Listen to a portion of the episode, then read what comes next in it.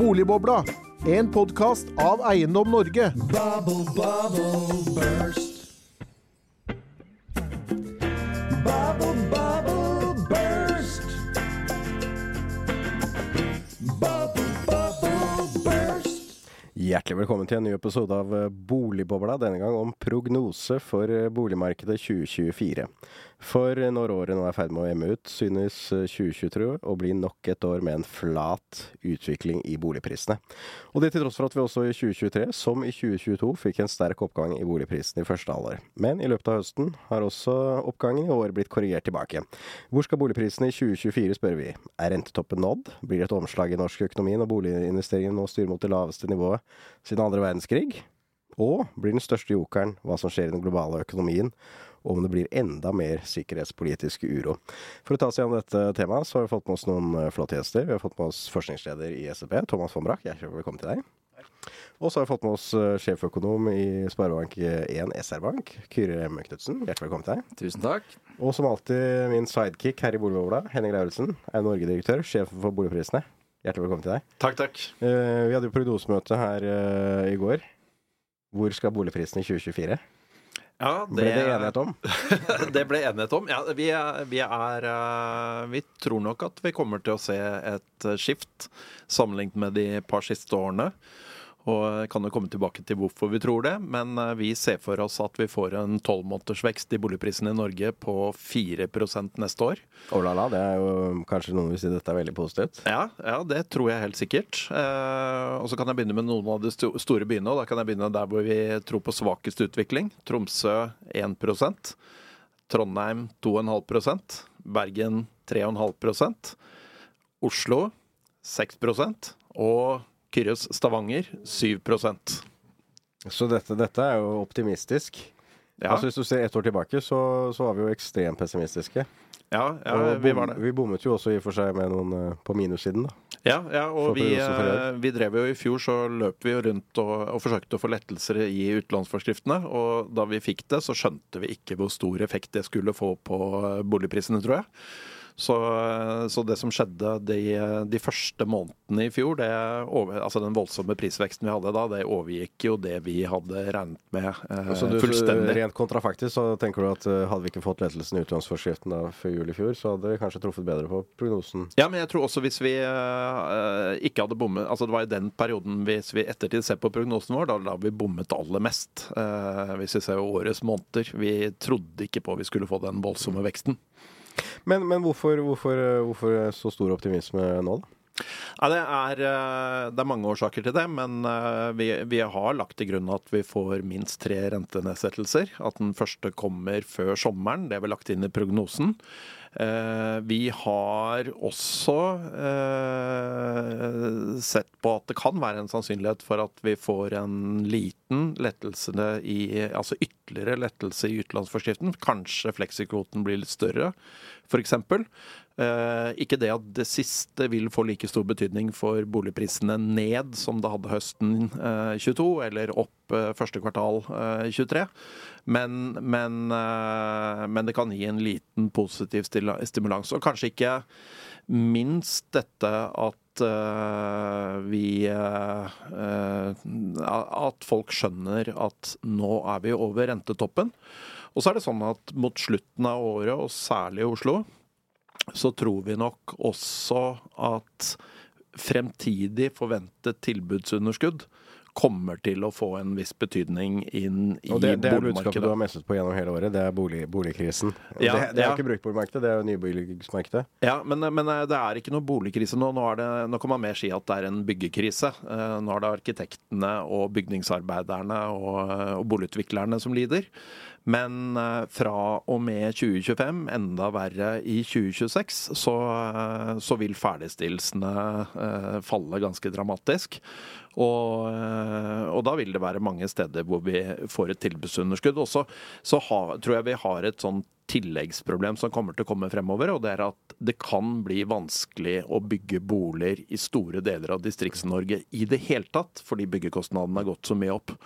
Så hvis man ikke får ned byggekostnadene kraftig, så blir det veldig mye større deler av Norge hvor det å bygge bolig i det hele tatt blir veldig mye vanskeligere. Det var et godt oppspill i og for seg til deg, Thomas. Altså dere, mens vi er jo litt sånn glade amatører i prognosearbeid her i Norge, så er jo dere verdensmestere i Norge. Fordi dere lager jo konjunkturtendensene. Hvordan stemmer de hva skal si, tankene vi har rundt boligmarkedet, brukt boligmarkedet, med det dere Altså, eh, eh, de avviker litt, eh, men her er det veldig viktig å påpeke egentlig to ting. Det ene er at eh, i norsk økonomi nå som helhet så går det bra.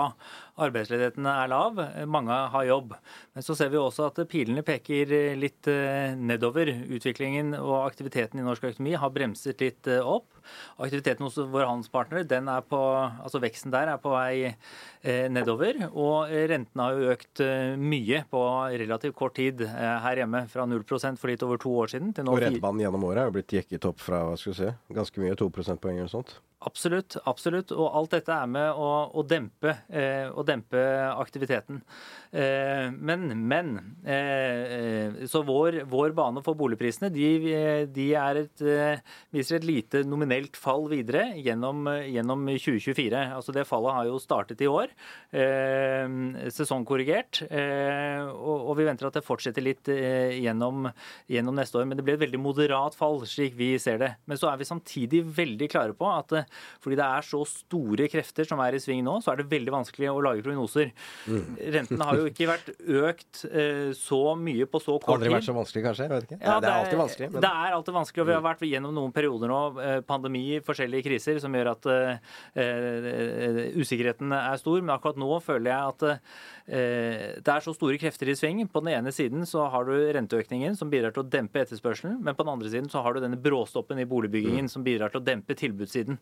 Og, og hvilken dynamikk det gir i forhold til hvordan dette slår ut i boligprisene, det er det som skaper den, den usikkerheten. Men, men, men selv med det, med, med det anslaget som ble presentert her, så blir det jo en mod, veldig beskjeden utvikling i det vi kaller realboligprisene. Altså Ja, du og det, det er jo hva skal vi si, øh, blitt flere som har sagt i det siste at øh, folk bør være mer opptatt av realboligprisene. Og realboligprisene er jo altså ja, egentlig vært stille nå de siste fem årene, Siden egentlig. 2017, 2017 var det ikke det du Siden 2017, og ifølge de eh, prognosene vi har lagt frem nå, så vil jo de da falle eh, med 15 eh, fra, fra eh, 2022 og til, til eh, 2025. Og med det, eh, med det bildet så vil det jo da være på, tilbake på det nivået det var i 2015. Altså bolig er blitt billigere, da. Eh, ja, og det, det er riktig. Eh, Sammenlignet med de andre varene og tjenestene vi kjøper, kjøper her i landet, så er da bolig blitt eh, relativt sett eh, billigere. Men, men dette er jo en refleksjon av at eh, boligmarkedet er enormt avhengig av eh, renten. Og når renten svinger, så skaper det svingninger i boligmarkedet også.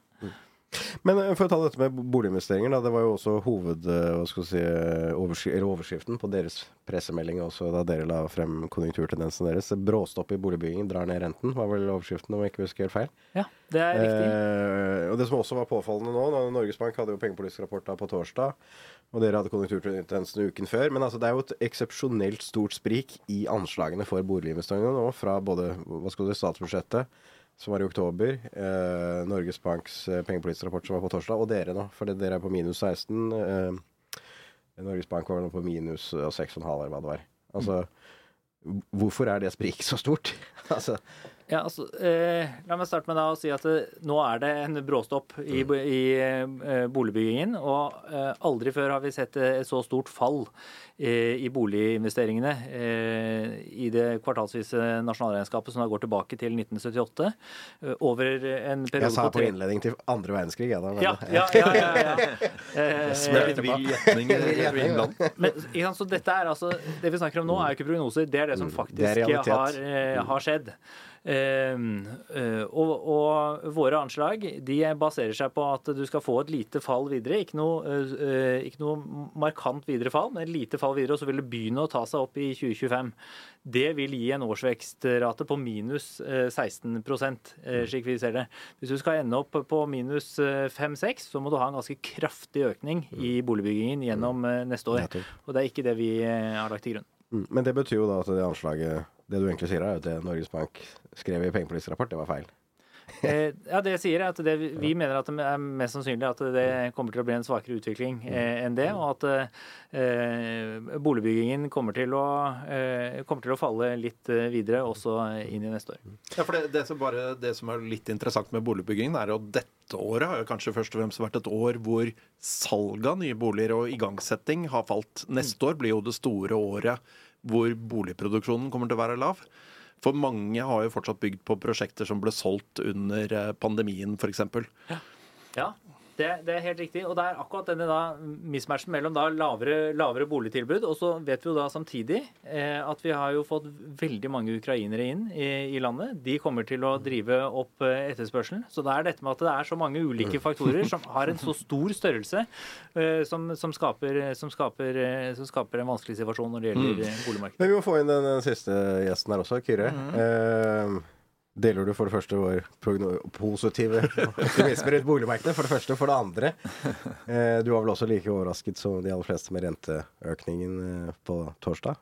Ja, altså hvis Norges Bank fortsetter som dette, så kommer det til å være ganske vanskelig å spå boligpriser, fremover.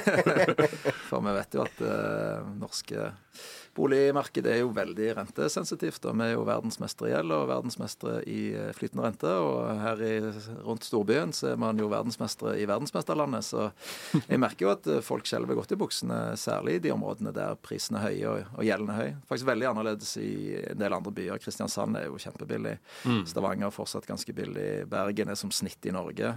Men jeg tror ikke en bergenser vil si at den er som snitt i Norge. Eh, så skjønner jeg hva jeg mener. Der bør kanskje prisen når, når vi ser på gjennomsnittspriser. Nei, jeg har nok eh, litt, eh, litt mer Litt mer forsiktig anslag enn det dere har, men ikke sånn veldig annerledes. Det som jeg tror kanskje kommer til å være mye viktigere for markedet enn akkurat prisen, er liksom hvordan er det fundamentale markedet. Som sagt, en boliginvestering som kommer til å bli knalltøft for mange utviklere. Vi ser jo, det var jo et selskap nå, et større selskap som nettopp nedbemannet 20% Så jeg tror nok at for de i bransjen så tror jeg nok vi går inn i et liksom sånn Og Boligprodusentenes forening og du Henning har vært ute med Jeg har jo hatt litt diskusjoner av og til om ting er bra eller dårlig, men det avhenger litt av hva du ser på. Men det er klart, utsiktene for selve markedet er ganske krevende. Det som er veldig spesielt nå, synes jeg, det er på en måte at det er jo overhodet ingen boligmangel. altså Vi tenker at det skal komme en veldig sånn bolig, boligbygging framover. Men altså antall usolgte boliger er 60% høyere i Norge enn det som er, har vært normalen de siste 14 årene. Sant? 60% I bruktboligmarkedet, da. Ja, i bruktboligmarkedet. ja. Uh, men sånn nyboligmarkedet er jo en liten del av markedet, men det er jo, det er jo bruktmarkedet som egentlig oppsummerer hvordan ståa er nå. Og så er det veldig kjipt for nybolig når du driver med bygging, og som Thomas vinner inne på, i forhold til aktiviteten framover. Men, men i forhold til markedet så er det ingen problemer å få tak i en bolig akkurat nå. Og jeg tror at én av to ting kommer til å skje. Uh, og jeg skal se litt mer hvorfor. Det en, ene er at boligprisene kan, i enkelte steder kan falle som en stein. Altså Rett ut for Oslo, her i Drammen for eksempel, så er det 150% flere boliger for salg enn det vi var bare for noen måneder siden, altså for et halvt år siden. Og Jeg snakket med noen som har posisjoner der, og sier det er vanskelig å selge mer enn én veldig attraktiv bolig i det området nå. Og Det gjelder egentlig rundt hele Oslo. Du kan dra til Hamar, du kan dra til sant, Follo. Til og med Asker og Bærum ligger nå 100% over det som har vært normalen. Og så kommer man fra lave nivåer. Og så er det nordover, da, rundt, særlig rundt Bodø, som jo vi snakket om og var litt overraska i fjor, var det vel, når de hadde norgesrekorden i prisvekst. Eh, Og der har jo Det markedet har vært, bare vært veldig sterkt lenge der, da. ja, og Tromsø litt av det samme. Så jeg tror vi går inn i en periode med veldig store regionale forskjeller. Og så er det sånn at siden folk har jobb, og det er jo et godt poeng at liksom, okay, det blir litt tøffere tider framover i forhold til realøkonomien, men de fleste er jo heldigvis i jobb. Eh, og det betyr at du kan velge å ikke selge. Og det jeg tror kommer til å skje, er at vi vil se mer av det. Enn så lenge så har jo omsetningen holdt seg ganske OK, men Det tilbudet har jo steget eh, mye. ja. Mm. Eh, og så jeg tror at enkelte steder nå så vil du se at utslagene kommer på omsetningssiden og ikke på prissiden. For prissiden kommer kun hvis folk virkelig blir tvunget til å selge, eller hvis det har vært svakt så lenge at de bare tenker ja, ja, men vi skal jo på en måte kjøpe og selge litt sånn i samme marked, så det gjør ikke så mye. Ja, for Men det, det, det har jo vært en litt sånn merkelig diskusjon gående om at uh, boligprisene har egentlig falt veldig mye mer enn det de tilsynelatende har, fordi mange av de som ikke solgt, ha, har solgt, hadde fått en lavere pris hvis de hadde solgt. Og, og, og, og den, den er jo litt grann interessant. Og man, man, hvis, man, hvis man ser på eh, tilbudssiden i boligmarkedet, så er det jo sånn at det legges omtrent ut akkurat like mange boliger i Norge hvert eneste år i bruktboligmarkedet for salg. Ja. Og så, så, eh, så har man denne etterspørselssiden som styrer uh, usolgt eh, litt opp og ned. Uh, Men, men det er ikke så veldig mye som tyder på at det er veldig mange mennesker som kommer til å løpe ut og selge boligen sin hvis de ikke tror det de ønsker å få for den. Så Nei, jeg tror det er et kjempepoeng. Altså det, nå var det vel i uh, en avis her om dagen på forsiden om noen som, hadde, uh, som bare bestemte seg for ikke å selge. Og det tror jeg det er nok en del som sitter akkurat i den diskusjonen. Enten at du For det begynner jo med at du blir mer usikker, og så tenker du nå Det normale i Norge er å kjøpe først og selge etterpå. Men i Stavanger så opplevde vi jo dette for noen år siden, som har har førstehåndsinformasjon. Skal si en slags boligboble, hva var det ikke sist? Og det som dessverre ofte skjer, at du får en perfekt storm. Da, at du får på en måte, det, i hvert fall oppleves som det, for det at etterspørselen kommer ned akkurat når tilbudet øker òg. Kanskje litt annerledes i Norge nå pga. nybolig, men som du sa, det er jo fortsatt nye boliger på vei inn i markedet sant, som ble, begynte å bli produsert for to år siden. Men, eh, men jeg tror nok det er veldig mange nå som sitter litt i tenkeboksen og ser OK, vi kommer nok ikke til å kjøpe først. Med mindre du skal kjøpe noe billigere, eller at du har veldig solid økonomi. Så hvis du er liksom litt i tenkeboksen, så tester du boligen for salg. Der du tidligere ville først kjøpt, så går du nå ut og tester. Og hvis du ikke får solgt den til det du vil, så må du vente med hele prosessen. Så er det de som er ute da og tester, som jeg tror vi vil se mer av som OK, de fikk ikke den prisen de ville. Eller så begynner de på en måte å akseptere litt lavere priser. Ja, det, eh, bare sånn, Ellers så er det jo faktisk ikke så veldig store forskjeller i selge først, kjøpe først over tid. Nei. Og så er det sånn 20, drøye 20% som, eh, som selger først. Mm. Og så tror jeg, nå husker jeg ikke helt, men jeg lurer på om vi var oppe, i, oppe rundt 30% eller noe sånt under bunn finanskrise. Ja. Sånn at eh, det er ikke Det er i hvert fall sånn når man leser i avisene, så kan man av og til få inntrykk av at det er majoriteten som, eh, som selger først. Ja, mm. Men det er klart, selv om skiftene er relativt små, så kan det jo få store virkninger for, eh, for boligmarkedet. Ja, så er det nok også det som skjer, er jo at under finanskrisen så plutselig så faller jo omsetningen veldig mye. Sant? Så det er ofte det du sant, Mm. Transaksjonene- opp, nesten. Ja, da får du jo på en måte Du får jo ikke talt de egentlig som da ville ha solgt først og så kjøpt etterpå. De inngår Nei. ikke i statistikken lenger. Så, men, eh, men det som jeg tror er store fordelen for markedet nå, er jo litt sånn som vi var inne på det med befolkningsvekst og Ukraina, at det på en måte skaper en eller annen liksom litt sånn Litt mer at det, der vil der, Og masse studenter og folk som ikke har råd til å, leie, til å, til å kjøpe òg. Så du, Mm. du har jo en på en måte underliggende interesse til bolig. Men jeg er veldig spent på befolkningsutviklingen framover. Tar du vekk ukrainerne nå, så er vi på den laveste befolkningsutviklingen på veldig mange år. Antall fødsler har ikke vært så lavt noensinne, vel? Dere har registrert i SSB, Thomas? Hvis jeg kan bare få lov å legge til et annet eh, kall det makropoeng, eh, og grunnen til at vi mener at eh, utsiktene for 2024 blir litt moderate, det har jo å gjøre med inntektsutviklingen til, mm. til folk. Og i år så venter vi, når det gjelder lønnsutviklingen, eh, at eh, reallønnen, altså lønnen korrigert for inflasjonen, den blir eh, uendret i år. Og det er jo eksepsjonelt Den blir null. eh, og det er jo eksepsjonelt lavt. Eh, og, eh, og fremover så eh, nå er det sånn at inflasjonen den har nådd eh, toppen. Den underliggende inflasjonen er også på vei, på vei ned. Og lønnsomheten i det vi kaller frontfaget, altså industrien, den er god. Så vi venter at lønnsveksten kommer til å holde seg oppe, og at reallønnsveksten da gradvis tikker oppover. Men til neste år så blir det kun en liten, liten eh, reallønnsvekst. Og når du da også hensyntar at rentene er kommet opp, så er det ikke noe særlig vekst i husholdningens det vi kaller realdisponibel inntekt, altså hvor mye husholdningene sitter igjen med etter at de har betalt eh, renteutgifter eh, og, korrigert for eh, inflasjonen. Og Det gjør at vi tror at eh, 2024 blir et litt moderat år i boligmarkedet. Men når du kommer ut i 2025, så vil altså lønnsveksten begynne å ta seg opp. Da begynner veksten internasjonalt å ta seg opp, og da er jo rentene på vei ned, som det ble pekt på tidligere her. Så 2025 tror vi blir et mye bedre, bedre år for, eh, vi for skal, vi skal sitte stille nå i 2024 og Ja, det er i hvert fall sånn våre anslag nå ser ut. slumre oss igjennom. det. Men bare for, for å legge til det med renten, da, så er det klart at markedet priser jo inn en styringsrente på 2,75 om litt over et år. Sånn at hvis markedet får rett, eh, så kan jo det være en eh, ting som eh, virkelig støtter. Dere har vel tre rentekutt, var det det du tenkte? Ja. Minimum. ja. Og jeg ligger nok på et sted mellom to og tre, litt avhengig av hva Jeg må tenke litt, snakke litt med sentralbanken og finne ut hva de, hva, hva, de For de mener jo 4,5 nesten ut hele neste år. Sånn som det ser ut. Men klart, hvis markedet får rett og det kan være at markedet får rett nest, Jeg skal ikke si uansett, nå svinger det mye i markedet òg, men med det som skjer, som du er inne på, internasjonalt altså I USA priser en 6-7-8 rentekutt. Eh, Europa ligger jo an til at den første rentekuttet kommer allerede i mars, selv om de, de har ikke en tradisjon for å snakke om de vanskelige tingene, eller de lette tingene. Det, men, men det er i hvert fall det markedet priser inn. Mange rentekutt neste år. Og Da kan det være at den kronekursen, hvis Norges Bank bare holder i, på januarmøtet, liksom holder på en måte sin fane litt høyt, så kan det være at den kronekursen går som en eh, rakett i sterkere retning. altså, Hvis de andre nå begynner virkelig å sette Og, Nei, nei, for og så det- kan den renta komme ned i Norge mm. Nei, for det som er definitivt noe nytt hva skal du si, med, med Norges Banks eh, hva skal du si, kommunikasjon og analyser, nå, det, det er jo kronen. Altså, det, det er jo en eh, hva skal jeg kalle det, form for aktivisme. De jobber i hvert fall med en slags form for valutastyring, må man vel kanskje kunne si. Og det var derfor nettopp de var så overraskende, den renteøkningen Ja, som kom nå også. fordi at det, eh, jeg kikket jo litt på en tale hun Ida Wolden Bakke hadde holdt litt tidligere i høst eh, om eh, valutakursen. Og det var jo egentlig et frempek. Fordi hele hensikten var jo å overraske. For å nå styrke kronen. Eh, får de liksom til det her, da, eller? Hva tenker dere? Ja, altså, eh, Renten har jo en eh, effekt på, på kronen. Nå har nok kronen styrket seg litt mer enn det den renteøkningen isolert sett eh, skulle tilsi nå de siste dagene etter, eh, eh, etter rentebeslutningen. Eh, men men, men eh, dette kom overraskende på, på oss og, ja. og markedet. Vi hadde lagt til grunn at de kom til å holde renten eh, uendret, og at den deretter ville reduseres gjennom andre halvår, eh, halvår eh, neste år. Eh, Men det skjedde ikke. Men, men kan vi se for oss at, at Norges Bank for å hva skal du si, styrke kronen vil velge å holde altså, eh, styringsrenten høyere enn i eurosonen, f.eks.? Altså, utover neste år? Deres hovedoppgave er jo å stabilisere inflasjonen rundt 2% Nå er den eh, langt over 2% 5,8 er den underliggende, men den er på vei ned.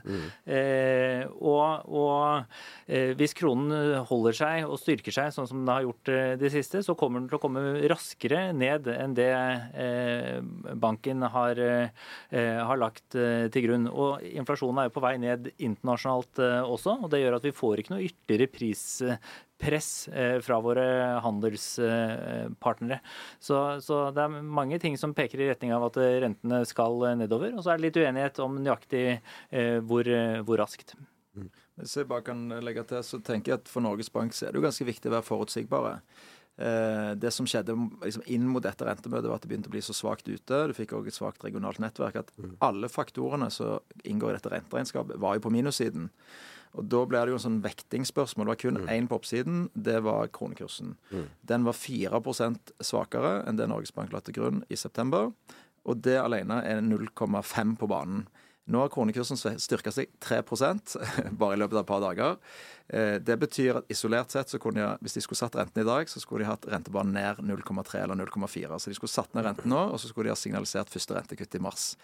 Eh, Sånn at det, det begynner å bli ganske sånn ehm, eh, hva skal vi si, en, eh, litt usikkert hvor mye de egentlig legger vekt på kronen. da, for Hvis de skal gjøre det hver gang Som jeg sa, Hvis de bare skulle lagt vekt på kronen i dag, så skulle de satt ned renten i en dag. Og Det skaper usikkerhet blant markedsaktørene hvordan du skal egentlig tolke Norges Bank. da. Og så er de selvfølgelig innenfor mandatet, som Thomas sa. Det, inflasjonen er for høy. og sant, Det er jo ikke sånn at de er langt utfor eh, det de det de skal styre etter, altså inflasjon, men allikevel så er det en, så, en som, altså en kronekurs som beveger seg så mye over så kort tid, er jo en utfordrende hvis man skal legge veldig mye vekt på den fra dag til dag. Men, men altså, for å ta uh, boligbyggingen da, og boliginvesteringene, som gjorde at uh, de aller, aller fleste trodde at de ikke kom til å sette opp renten. Uh, når skal de begynne å legge vekt på da? Du skrev jo også om det i Aftenposten i fjor, om at mandatet var påfallende uklart. For dette er jo også stabil produksjon og sysselsetting. Altså, det er jo ingenting i de boliginvesteringstallene og igangsettingstallene som tilsier at det er noe stabil produksjon. I hvert fall i boliginvesteringene I boligmarkedet? Nei, det er, det er helt riktig. Og det er et stort Så- paradoks. Uh, Ja, så Det er jo veldig store forskjeller nå Mm. mellom, mellom forskjellige næringer. Innenfor uh, petroleumsrettet eh, næringsliv så går det jo veldig bra. Innenfor bygg og anlegg eh, er, peker pilene i motsatt eh, retning. Og det samme med varehandel, f.eks. Så, eh, så, og dette er jo en refleksjon av at renten eh, bl.a. påvirker eh, ulike næringer på forskjellige, på forskjellige måter.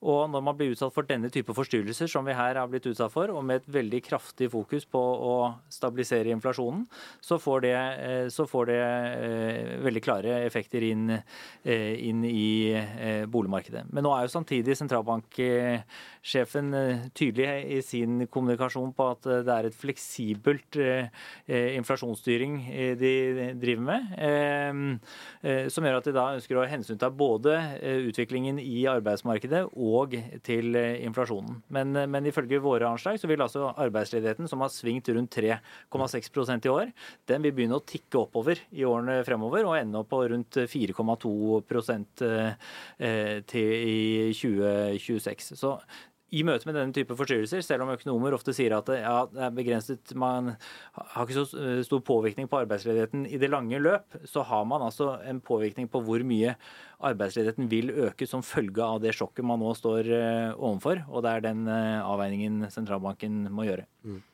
Men øh, tenker du da at hva skal du si, boliginvesteringen, la oss si de blir, blir mer på det, det nivået dere ligger an. Når vil Norges Bank begynne å hensynta det da, i, i rentesettingen? Ja, Det er det som nå blir veldig spennende å se på de neste, de neste månedene frem mot uh, mars-møtet. fordi nå har vi allerede, som vi snakket om innledningsvis, at tallene er veldig klare historisk. Vi har ikke sett et så stort uh, fall.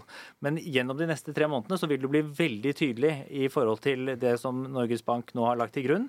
Det er en ganske klar økning innenfor boliginvesteringene gjennom 2024. Det må vi begynne å se i tallene allerede eh, rett over eh, eh, årsskiftet. Eh, og så da blir det klart eh, om det anslaget eh, er, eh, er godt eller ikke. Ja, Vi har snakket med veldig mange store boligbyggere, og de sier det er jo på en måte En ting som går igjen, er at det er inn mot sommeren. Da begynner det virkelig å bli ille. For da, da er det veldig mye som ferdigbygges av eksisterende prosjekter fra gammelt av.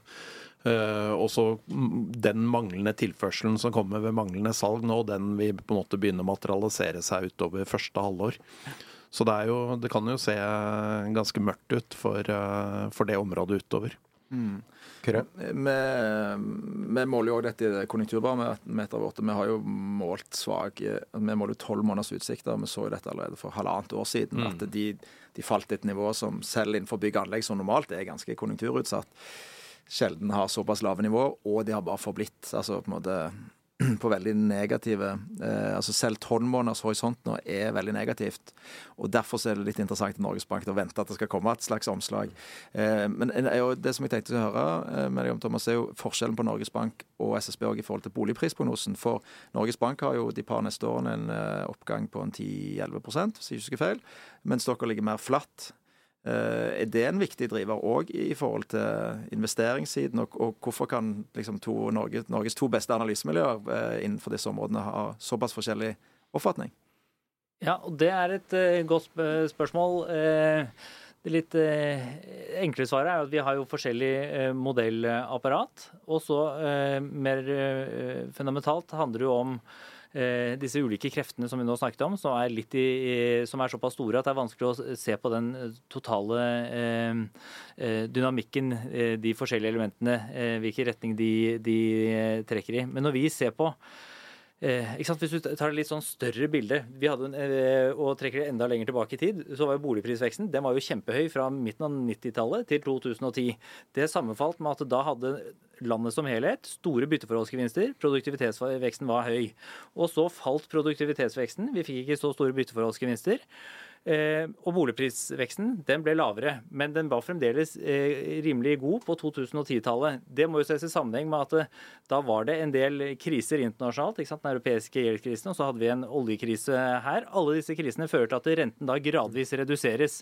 Det er av avgjørende betydning for, for, eh, for eh, boligmarkedet eh, og boligprisen. Så det er på en måte renteutviklingen og husholdningenes eh, disponible inntekt det er det som er det drivende for boligprisutviklingen fremover. Og slik vi da ser det nå, når rentene er kommet såpass mye opp, når inntektsveksten blir såpass moderat, som nå både har vært i år, kommer til å bli til neste år, og deretter tar seg litt opp, ja da mener vi at boligprisene de skal ikke øke så mye, men de kommer til å ta seg litt eh, opp eh, når vi kommer ut i 2025. Men hvis vi skulle begynne litt med det, eller avslutte med det siste her, da. Altså det, det er jo veldig mye uro i verdensøkonomien. Altså, Én ting er jo si, deglobaliseringen, som i og for seg startet med Trump 2018, og som egentlig bare er fortsatt. altså eh, Handelskrigen, all, alle disse tingene har jo tiltatt, og det synes jo også å tilta enda, enda mer. Og I tillegg har vi fått, da, vi har fått krigen i Ukraina. eh, vi har nå fått en si, ny krig i Midtøsten også. Eh, det er litt sånn eh, ting som foregår også med, ved Suezkanalen nå. Altså, la oss si det skulle skje noe virkelig dramatisk da, i verden. Eh, for eksempel eh, storkrig i Midtøsten. Energiprisene, hva, hva skjer da? Og hva betyr det for hva skal si, inflasjon? Og vi vet hva som skjedde da i 2022. Ja, det er, det er et komplisert uh, spørsmål. Det er vanskelig å spekulere for mye i hva som skal skje i et uh, sånn type scenario. Men vi har jo nettopp vært gjennom en periode hvor energiprisene har vokst veldig mye. Og for Norge som nasjon så, så tjener man jo mye inntekter som følge av eh, olje- og gassalg. Det er jo en Eh, det er jo en dimensjon eh, ved det, men, men, men, men ja, på mange vis så er det jo den type ting ikke eh, De er ikke med i modellene. ja, Det er ikke med i modellene, og det er jo ikke det viktigste i på en måte det type scenario som du, som du tegner opp. Og det er jo heller ikke noe vi har sett på Mm. i, i, i, i vår analyse. analyse. Men, men gitt da, hva skal vi si, for å ta Ukraina, da, eh, våren 2022, da, da gassrørledningen da ble, ble sprengt, og, og Tyskland da i realiteten endret sin energiforsyning da, til flytende LNG. Altså, Det som jeg har sett nå, er jo det at eh, store deler av gassleveransene til, til Europa, som da eh, produseres av, av gass, de kommer jo nå fra Midtøsten, fra Qatar bl.a. Mm. Altså, disse er jo de som da fraktes gjennom Suezkanalen her. Det er jo antagelig det de jemenske opprørerne nå prøver å ramme, altså gassleveransene til Europa gjennom vinteren. Mm. Altså, vi kan jo kanskje se for oss, hvis de lykkes, så skulle vi kanskje få en energikrise til da, i, i Europa gjennom vinteren. Jeg vet ikke.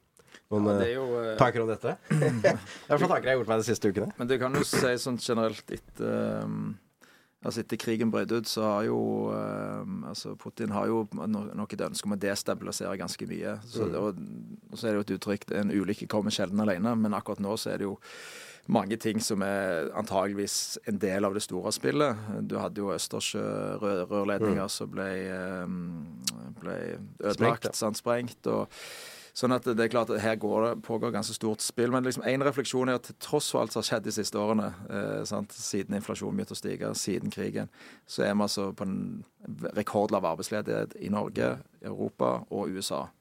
Så startpunktet vårt er i hvert fall ganske OK. Og så er det litt sånn òg at um, vi må ha en sånn Disse svarte svanene som vi snakka om, som stadig kommer oftere, eller jeg vet ikke, men de kommer i hvert fall. Det føles som de siste eh, årene. Altså, jeg begynte som å jobbe i 1999, sant? og det, har- det, har vært, det er på en måte kriser på kriser på kriser. Og det som kanskje har vært påfallende med krisene helt fram til den siste, er at renten blir lavere av hver krise. altså liksom Oppløpet til, til dotcom, så var det liksom opp med rente, og så var det ned. Og så oppløpet til finanskrisen, opp med rente, og så kjapt ned. Altså på en måte Renten tar eh, kan man pleie å si, trappen opp og heisen ned. Har gått litt, den trappen har vært litt bratt de siste halvannet året. Men, men det er òg en sånn refleksjon akkurat i forhold til sånn, og Det er jo det som har på en måte redda boligmarkedet òg, gang på gang. Ja, det så spørsmålet er sånn ja. Så spørsmålet er, det, det, det er veldig viktig spørsmål også, for det, det du sier med høye energipriser, er jo om det kan lede oss over i noe som er mer stagflasjonsaktig mm. scenario. Det det vi har vært redd for nå. Men det er derfor vi puster litt mer med magen- òg. Ikke helt i Norge ennå, fordi inflasjonen er for høy fortsatt. Men se på Europa. altså De har inflasjon under 3 USA har rundt 3% Litt høyere på kjerne, da. Men det er klart, det er jo derfor rentemarkedet nå prises som ganske bratt rentenedgang. Det er jo fordi at mye av inflasjonsfaren, heldigvis, i den fasen vi er i nå, er tatt ut. Men så er det, det, er det noen X-faktorer som kan forlenge den. Og så er spørsmålet det som har skjedd de siste årene i Europa på en endring av energiforsyning. Bare fortell oss òg at det er en tilpasning. Sant? Som er, hvis du virkelig må, som er enorm. Eh, på kort sikt krevende, men på litt lengre sikt. Sånn som nå, så er jo gassprisene i Tyskland nede på 30 euro per megawattime. De var jo på 300 på det høyeste i fjor. Eh, og det er jo ikke det at det har blitt mindre krig, det er ikke det at Putin ønsker mindre å ramme Tyskland og Europa. Det er jo rett og slett bare fordi at det er en voldsom dynamikk i hvordan du da, når du må, hvordan sørger du for at du får tak i den gassen, eller andre ting andre steder. Så men eh, la oss si X-faktoren. Det er X-faktoren hva skal vi si, den globale økonomien. Er det noe, Er det en krig i Midtøsten, da? Storkrig i Midtøsten, eller enda mer uro? Eller hva tenker du? Det klassiske er jo resesjon i USA. Altså Enten er det finanskrise, eller så er det resesjon i USA. fordi at det er på en måte når USA hoster eller nyser, så blir det resten av verden for resten av verden eh, full forkjølelse. Så, så det er stort sett det som eh, både på vei opp og på vei ned kan eh, liksom sjokke verden. Da. Og så det, må vi huske at Norge i et sånt et scenario Hvis du tar finanskrisen i Norge, ble jeg tulla litt med at den varte i tre til seks måneder. I USA seks år, Europa ti år. Og det er jo litt fordi at akkurat nå minner det jo faktisk litt om det som skjedde under finanskrisen. Det er svakere ute, det er litt sånn en god del grums. Mens i Norge så går jo, som vi var inne på, energiinvesteringer, energiaktiviteten kommer opp. Det rent eh, petroleumsbaserte ser sterkt ut de par neste årene. Og, og hvis ting roer seg litt ned på kostnadssiden, så vil vi òg få mer grønt. Uh, og, det, det, og i tillegg, da, hvis inflasjonen kommer ned, så kan vi bruke noe mer oljepenger. Og så kan renten komme litt ned. Så Norge er jo på en måte også liksom litt annerledes rigga enn en del andre land. I hvert fall hvis det, inflasjonen kommer ned. Utfordringen for Norge, som vi så i fjor og i år, har jo vært at hvis inflasjonen er høy, så er du mer eh, bonden på pengepolitikken, 4,5 styringsrente, og òg i finanspolitikken. Ja, Thomas? og bare for å legge til det, Når det gjelder eh, risikomomenter, så er jo Norge er jo et rikt land. eh, Men det skaper jo også en helt særegen risiko i forbindelse med oljefondet. Eh, Oljefondet er jo nå mer enn 16 000 milliarder, finansierer mer enn én av Gikk fem litt grann ned av kronen. Det er riktig. jeg. det er riktig. Eh, I begynnelsen av desember var den litt mer enn 16 000 milliarder og finansierer mer enn én av fem eh, kroner over eh, budsjettet. Og eh, i forbindelse med fremleggelsen av halvårsrapporten til eh, oljefondet, så pekte jo da oljefondet på at eh, at fondet kan falle med 40% som følge av økte geopolitiske spenninger. Det kan falle med mer enn 30% som følge av økte eh, internasjonal eh, inflasjon. Og hvis man skulle få et sånt fall som vedvarer, altså over en periode på seks-ti år, ja da må jo finanspolitikken gjennom handlingsregelen må kutte sine utgifter på den ene eller andre måten. Det vil jo da typisk eh, eh, slå ut i lavere sysselsetting, økende arbeidsledighet. Det vil kunne skape en veldig krevende situasjon for eh, finanspolitikken. fordi hvis man ikke kutter, så eh, ender man en, eh, med å ha en oljepengebruk som er for langt unna handlingsregelens krittstrekk på 3% og da vil den ikke lenger fungere som en rettesnor i, i finanspolitikken. Så det er, det er et usikkerhetsmoment. Altså, vi har gjort oss ekstremt avhengig av oljepengene. er jo det. Ja, det er, jo, det er jo riktig. Eh, så vi er jo veldig privilegerte som har dette fondet som er blitt så stort. Men når man er, når man er blitt så rik, så er jo det da også et eh, stort eh, risikomoment. Men formuer skal vel egentlig forvitre, skal det ikke det? Over tid? Sånn filosofisk. Ja, jeg, jeg tenker jeg har gjort det i det siste. Hva skal man med en formue som ikke bruker? Ja, her er jo det, den hovedtanken er at man da skal kunne bruke litt, slik at formuen eh, står seg eh, reelt sett. Det var litt spøkt av det. Det er jo litt sånn, Av og til så syns jeg jo at det, det er jo litt sånn merkelig diskusjon òg. Altså, dra til Hellas eller Italia eller til og med USA nå som begynner å få ganske høy statsgjeld. Altså, det er mye hyggeligere å være en stat der du har orden på økonomien, enn der du ikke har det. Og Vi så det jo veldig under eurokrisen, men til dels òg finanskrisen, hvor farlig det er. De som kommer til å slite mye nå framover, er jo mange av de landene som har eh, altså framvoksende økonomier og sånt, som gjerne har dollarbaserte lån. Eh, så har de mye svakere egenvalutakurs, og så, eh, så får de lånekostnader som går i, i taket, både på som følge av renten, men òg som følge av at dollaren fortsatt er ganske sterk. Men for Norge så handler jo den diskusjonen mest om hvordan vi bruker de pengene. Altså Det er 700 000 mennesker i Norge som er i arbeidsfør alder, som er utenfor arbeid. Sånn 20% Så det er klart at hvordan vi bruker disse oljepengene framover, er kanskje viktigere enn akkurat hvor mye vi bruker. Bruker vi det fornuftig, skaper vekstevne og får bidra til at mange kommer i jobb, så gir det OK utsikter for norsk økonomi. Motsatt, hvis de går til å ja, ikke så eh, Hva skal vi si eh, eh, opprettholde en del ting som ikke nødvendigvis skaper vekstevne framover. Stad skipstunnel, eksempel? Ja. Ja, eksempel. Eller Follobanen, eller sånne ting. Follobanen, Det var Neida, kanskje det. Jo, men det er jo det som er problemet òg. Utfordringen er jo bare at hvis vi ikke klarer å ta godt vare på disse pengene Det er, det er aldri et problem å ha mye formue hvis du har en god strategi og en god gjennomføring, men det vi har sett i det siste, er jo Men jeg syns jo det er ganske greit. Jeg må holde oss på 3 selv om eh, i Det år som har vært 2,7 i budsjettet, var det Ja, sant, det? under, under, under 3 òg. Og denne her måte, eh, si, advarselen fra oljefondsjefen, det er veldig fint at han kommer med det. Men sam, og får en påminnelse om akkurat som Thomas inne på, at dette kan svinge mye. Men, Og at det er risiko, ikke minst. Men, ja. men det er klart at sant, på samme dagen omtrent så kunne du kjøpe en amerikansk statsobligasjon til 5% årlig rente i ti år. Altså, bare det at avkastningen nå skal bli lavere enn det den har vært når rentenivået har kommet opp, det, i sånn vanlig finansteori så henger ikke det sånn veldig godt sammen, egentlig. Men det er klart vi skal være bekymra for måten vi innretter det på, sånn at det ikke blir for store sjokk og skift. Og da kan det være lurt å ligge litt under i tider som er litt bedre, sånn at vi har litt å gå på i mer krevende tider. Nei, men det, Vi må jo gå inn for landing her. Dette tiden løper jo. Men uh, hvis vi skal oppsummere, skal vi vente til 2025 da, før det blir mm, positivt. Ja, det er sånn våre beregninger viser. Så blir 2024 et litt uh, humpete, humpete år med fremdeles uh, høyt eh, rentenivå og lav uh, realinntektsvekst. Men fra 2025 så begynner det å bli bedre. Er du også på den? Eh, nei, jeg tror det blir litt i pluss. eh, Altså nominelle priser litt i pluss. Kanskje ikke fullt så mye som det dere men ikke så langt ifra. Men jeg tror det er de, det er de geografiske forskjellene her som blir det interessante. Jeg tror det er usolgt i forhold til omsetning, tror jeg blir veldig viktig å følge. Og selvfølgelig utslagene for liksom, aktiviteten i markedet. Men vi har jo alltid en fast spalte til gjestene her i Boligbobla. Du har jo vært der en gang før. Din første bolig, hva, hva, hva kjøpte du? Hva betalte du? Kan du få lov til å fortelle? Og hva følte du da? Du har vært der en gang før, men du kan kanskje begynne med din siste bolig?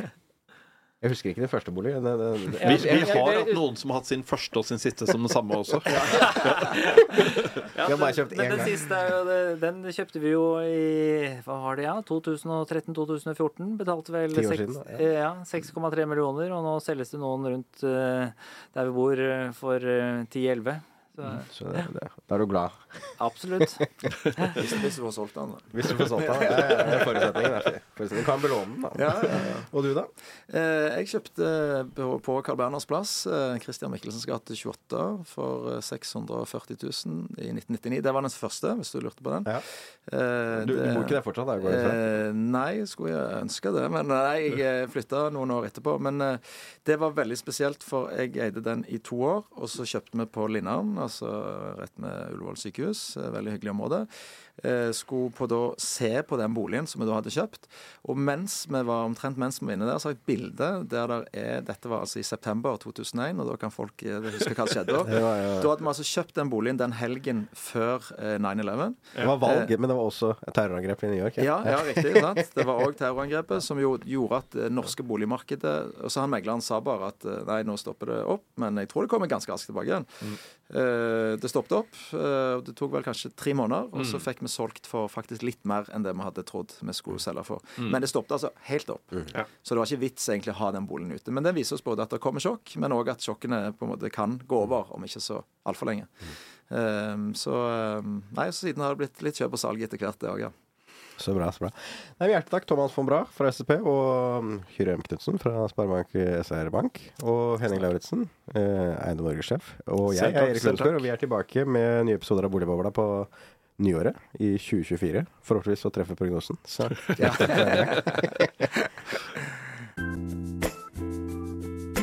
Boligbobla, en podkast av Eiendom Norge. Bubble, bubble, burst. Bubble, bubble.